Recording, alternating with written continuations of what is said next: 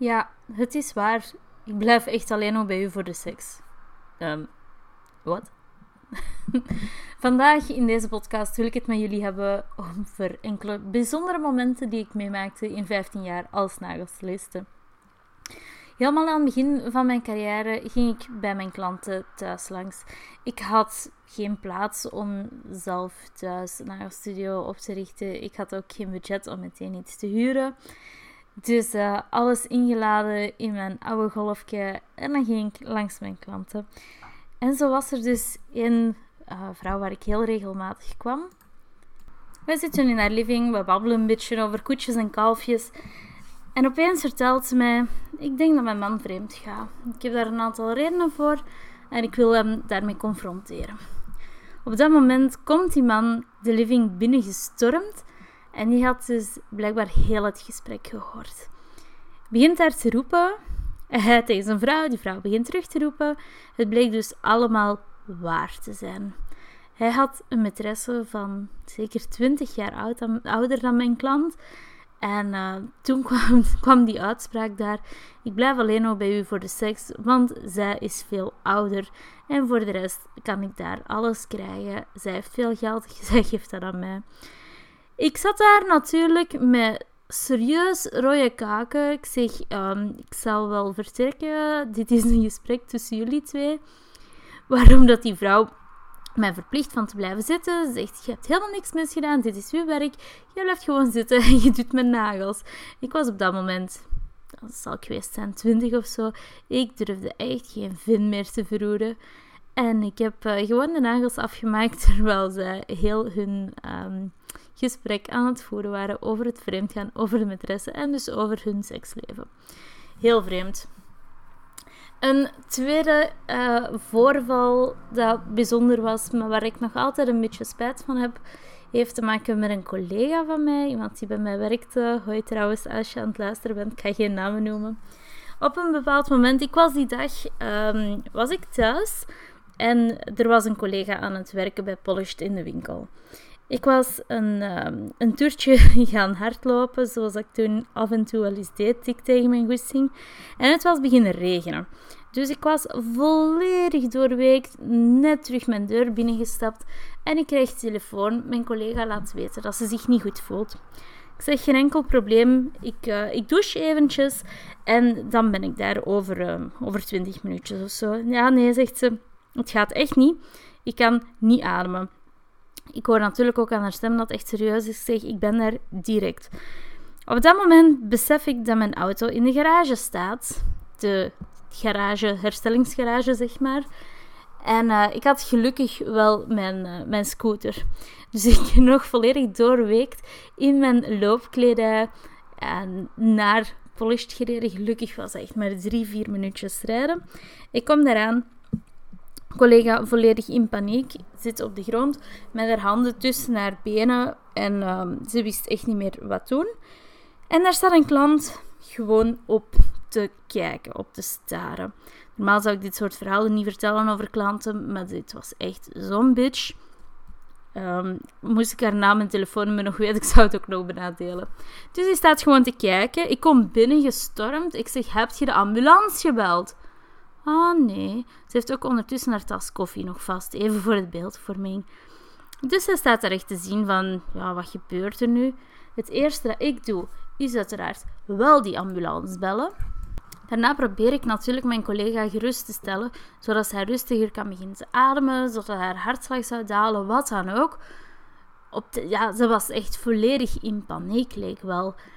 Die klant die bleef staan staren en op een bepaald moment zei ze tegen mij: Ja, maar als de ambulance komt, ze gaan haar toch niet meenemen? Ik zeg ja, geen idee. We zullen wel zien uh, wat er nodig is. Maar ja, je kunt beter nu vertrekken, want ja, we, we kunnen niks meer doen.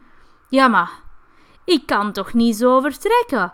En mijn nagels dan? Dus op dat moment had mijn collega gewoon de kleur van haar nagels afgevreesd. Ze had op dat moment dan gewoon nog naturel gelnagels met een uitgroei. Niks heel bijzonder, kunt je perfect naar buiten komen. En ze begon te discussiëren. Um, ik weet nog dat ze constant herhaalde: Ja, maar ik werk in Brussel. Alsof dat dat ertoe doet. En um, dus ze bleef dat maar volhouden. Ik kan met deze nagels, ik kan niet verschijnen op het werk. Wat gaan de mensen zeggen? Ik werk in Brussel. Zij moet mijn nagels doen. Mijn collega kreeg natuurlijk moeilijker en moeilijker door constant dat te horen. Was helemaal aan het hyperventileren. Naast wat ze misschien nog had, wat we op dat moment helemaal niet wisten. Dus um, ik word strenger en ik zeg gewoon: nee, ik heb liever dat je nu vertrekt. Waarop die klant vraagt: Kunt jij mijn nagels niet doen? Die had me nog nooit gezien. Ik stond daar volledig doorweekt in een sportoutfitje, terwijl de regen gewoon uit mijn haar uitdroop. Dus om ze toch zo snel mogelijk buiten te krijgen, zeg ik: Ik bel u zo meteen en dan maken we een nieuwe afspraak, dus noods na mijn uren, wat dan ook. Oké, uiteindelijk vertrekt zij, de ambulance komt erop gereden. Uh, ze hebben mijn collega gestabiliseerd, meegenomen. Alles was um, op dat moment in orde. En ik zie opeens dat terwijl ze wegrijden met de ambulance, dat de auto van die klant terug de parking op komt rijden. Was heel herkenbaar, want ze had een gepersonaliseerde nummerplaat. Precies om te kijken alsof ze haar wel echt zouden meenemen met de ambulance, alsof dat we dat niet als excuus hadden gebruikt of zo. Oké, dus ze kijkt, ze ziet die ambulance wegrijden en ze rijdt zelf ook weg. En ik denk een half uurtje later kreeg ik online een, um, een annulatie van. Um, ja, ik had daar dus inmiddels toch een afspraak gegeven voor de dag erna, na mijn werkuren. En uh, ik zie online een annulatie van die afspraak. Ik heb nog nooit zoveel spijt gehad dat ik niet iemand heb buiten geschot, om het zo te zeggen. Dus uh, dat was toch een, uh, een extra lesje in opkomen voor mezelf en mijn collega's. Een veel leuker verhaal is de keer, dat was in, ga, ik weet het niet helemaal meer, ik denk 2013. Destijds werkte ik voor een internationaal nagelmerk en zij deden een jaarlijkse educator training in Zuid-Korea, waar ik naartoe mocht gaan. Het merk zelf was Amerikaans. Ze waren gevestigd in Texas. Maar ze hadden een heel groot marktaandeel in Zuid-Korea. En ja, visumtechnisch voor Zuid-Koreanen om naar Amerika te gaan is zo goed als onmogelijk. En andersom kan wel. Dus met z'n allen naar Zuid-Korea. Ik denk dat daar een stuk of honderd educators bij elkaar waren gekomen. En we hadden daar dan drie dagen les, examens, testen, wedstrijden, al dat soort zaken. Nee, het waren drie dagen uh, lessen en examens, twee dagen wedstrijden, zo ging het. En aan het einde van de drie dagen lessen en trainingen en testen, als je geslaagd was voor een theoretische proef en voor een praktische proef, dan werd je dus officieel educator binnen dat merk. Ik vond dat op dat moment echt heel chic, als ik dat kon zeggen. Maar niks had mij kunnen voorbereiden op de reactie van de Zuid-Koreanen. Dus um, wanneer dat je educator werd bij dat merk, kwam daar had natuurlijk de eer, maar je had ook zo een certificaat. Een houten certificaat dat volledig gegraveerd was met metalen plaatjes en zo. was wel echt heel chic. En daarbij kreeg je ook een t-shirt, een zwart t-shirt, met daarbij het logo van het merk in Swarovski-steentjes uh, erop gezet. En dat was heel mooi. Het was een heel mooi t-shirt. En viel ook enorm op. En wat ik dus niet verwacht had, dus we waren met een aantal educators, we waren geslaagd voor onze testen. En op een gegeven moment lopen we dus in Seoul um, over straat, allemaal heel fier met ons t-shirt aan. Ik weet nog dat het toen min 13 was of zo. En toch die jas open hebben staan, zodat we toch konden foto's maken en fier zijn en wat dan ook. En blijkbaar, uh, Zuid-Korea is natuurlijk een land dat heel veel bezig is met nailstyling dat was gewoon... Je werd bijna een rockstar als je dat t-shirt aan had. Dat had daar zo'n standing en mensen wisten waarvoor het stond. Dat we werden echt daarvoor bekeken. En zelfs mensen die daar samen mee op de foto wilden gaan. Omdat ze dachten van wauw, dat is hier echt de wereldtop. Nu moet ik zeggen, de uh, plaatselijke educators was ook absoluut wereldtop. En daar konden wij als Europeanen gewoon absoluut niet aan typen. Volgens mij waren de vereisten voor uh, de testen voor de Europeanen toch wel uh, lichtjes aangepast. Als ik dat mag zeggen. ik hoop dat er geen mede-educators aan het luisteren zijn. En anders, jullie zijn daar ook geweest. Jullie weten dat het niveau van de 13-jarige studenten hoger was dan dat van de gemiddelde Belgische nagelstylisten. Dat was niet te doen. Echt niet normaal. Maar we werden daar dus echt als rockstars uh, bekeken. was een heel coole ervaring. En als laatste wil ik het ook nog hebben over nog een internationale ervaring. Dat was met uh, Sarah Elmas van Get Buffed. Het was een heel um, toffe ervaring. Dus dat is een nagelstiliste uit Australië. Staat heel erg bekend om haar tekeningen van Disney-characters vooral. En um, het verhaal start eigenlijk een jaar of anderhalf jaar, denk ik, voor wij haar hebben uitgenodigd. Er was destijds een, een conculega, ik ga geen namen noemen, um, maar verschillende van jullie weten misschien meteen over wie ik het heb. En zij kondigde op een bepaald moment aan dat zij Sarah van Get had uitgenodigd om in België les te komen geven. Een aantal jaar geleden, ik denk dat we het dan hebben over 2017 zoiets. En dat was echt het hoogtepunt van de internationals die kwamen lesgeven in België. Dus als er zo'n naam gelanceerd werd, iedereen sprong daarop en dat werd ook meteen uitverkocht. Dus uh, die conculega die Sarah aankondigde, die liet mensen inschrijven, die vroeg ook stevige voorschotten. En um, een aantal weken later kwam er een statement naar buiten en bleek er dus helemaal niks van waar te zijn. Ze had informatie gevraagd bij Sarah, maar ze had haar nooit geboekt. Een aantal collega's hebben hun voorschotten teruggekregen, al dan niet door daar ter plaatse voor de deur te gaan dreigen.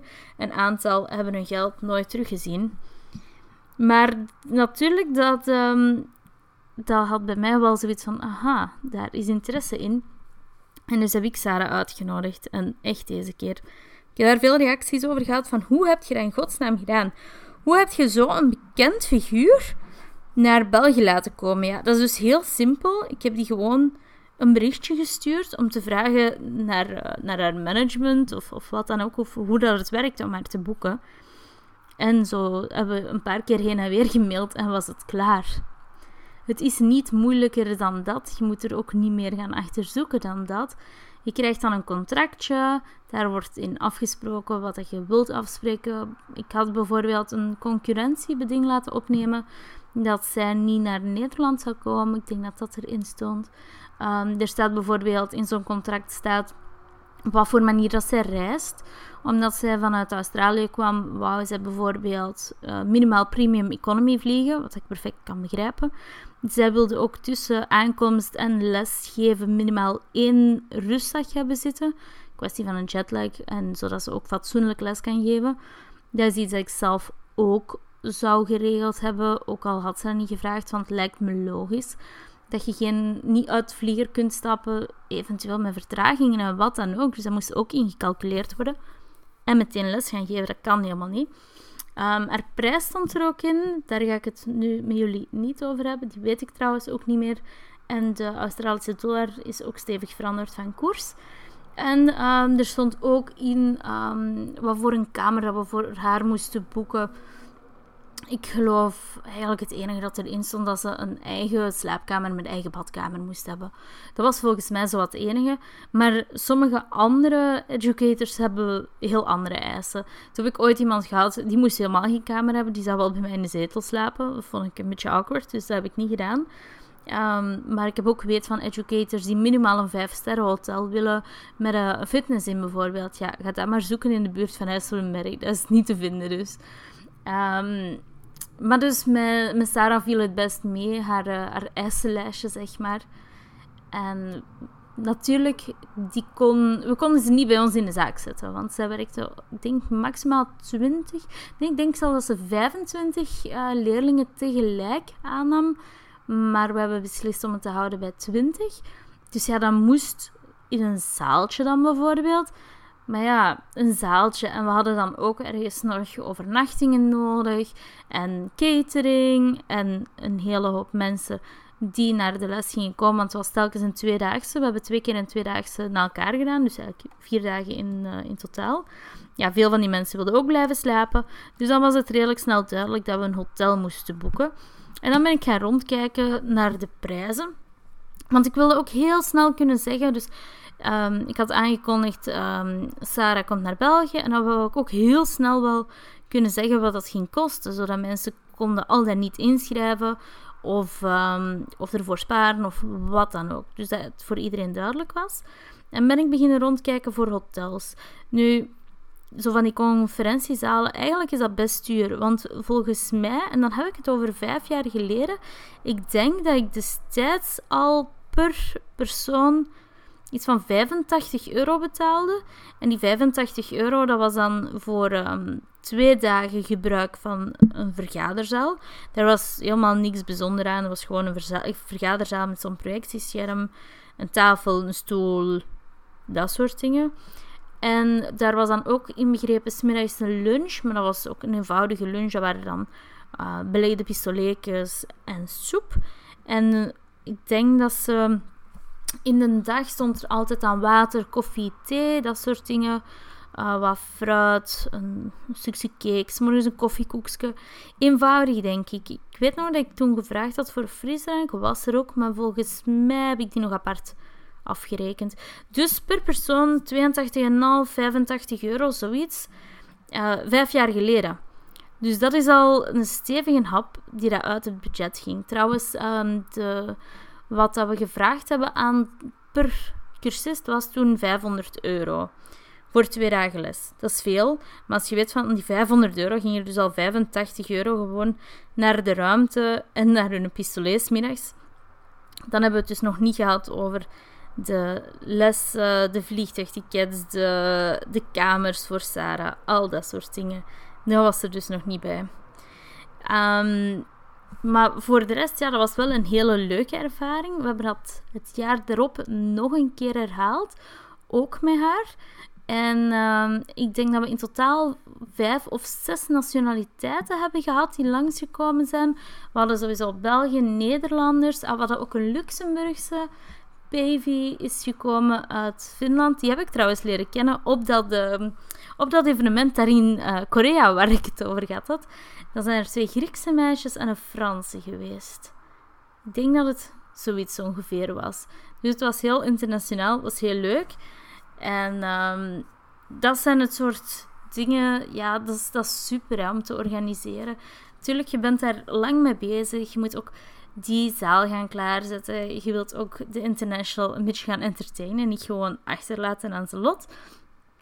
Dus um, daar kruipt uiteindelijk veel energie in. Ik denk dat we daar een goede week voltijds mee bezig geweest zijn, moet je er ook rekening mee houden. Op die tijd is je salon ook gesloten.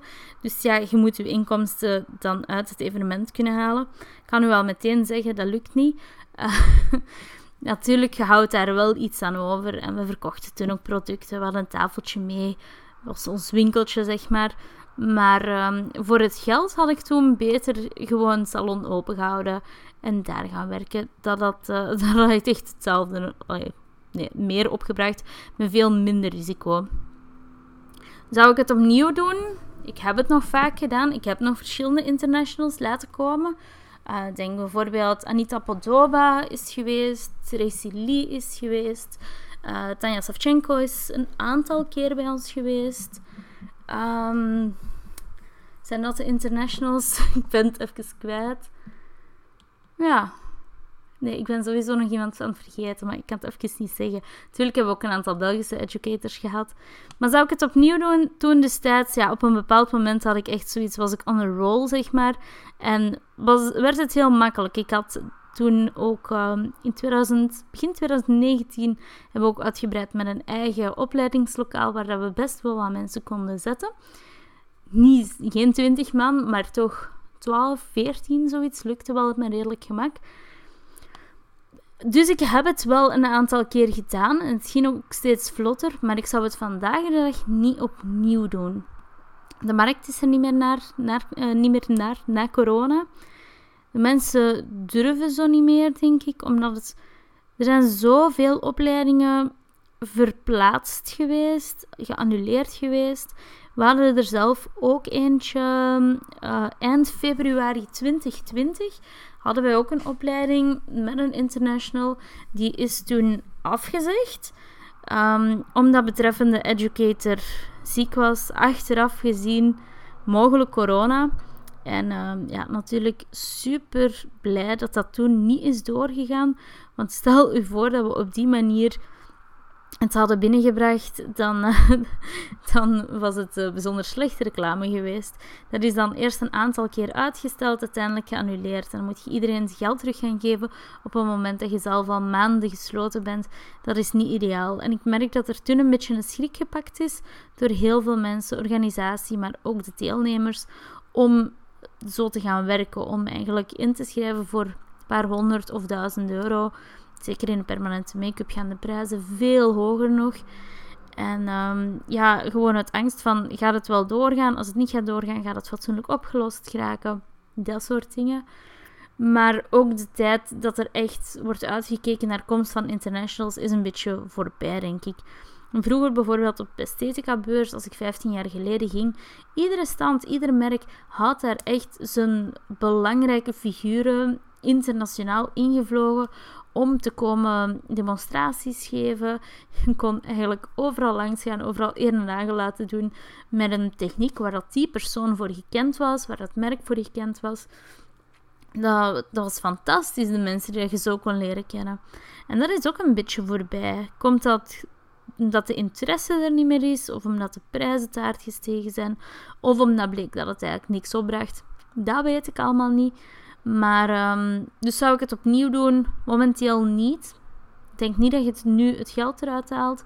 Ik zit ook niet, niet meer in die branche op die manier. Dus um, ik heb er enorm van genoten. En um, het is goed dat het geweest is, maar het is goed dat het gepasseerd is ook. Voilà, dus dat waren enkele bijzondere momenten in mijn carrière, 15 jaar als nagelsliste. Ik ben er zeker van dat ik nog een aantal van dit soort podcasts kan maken. Dus mocht je verzoekjes hebben, laat me zeker weten. En dan hoor ik jullie de volgende... Nee, dan horen jullie mij een volgende keer.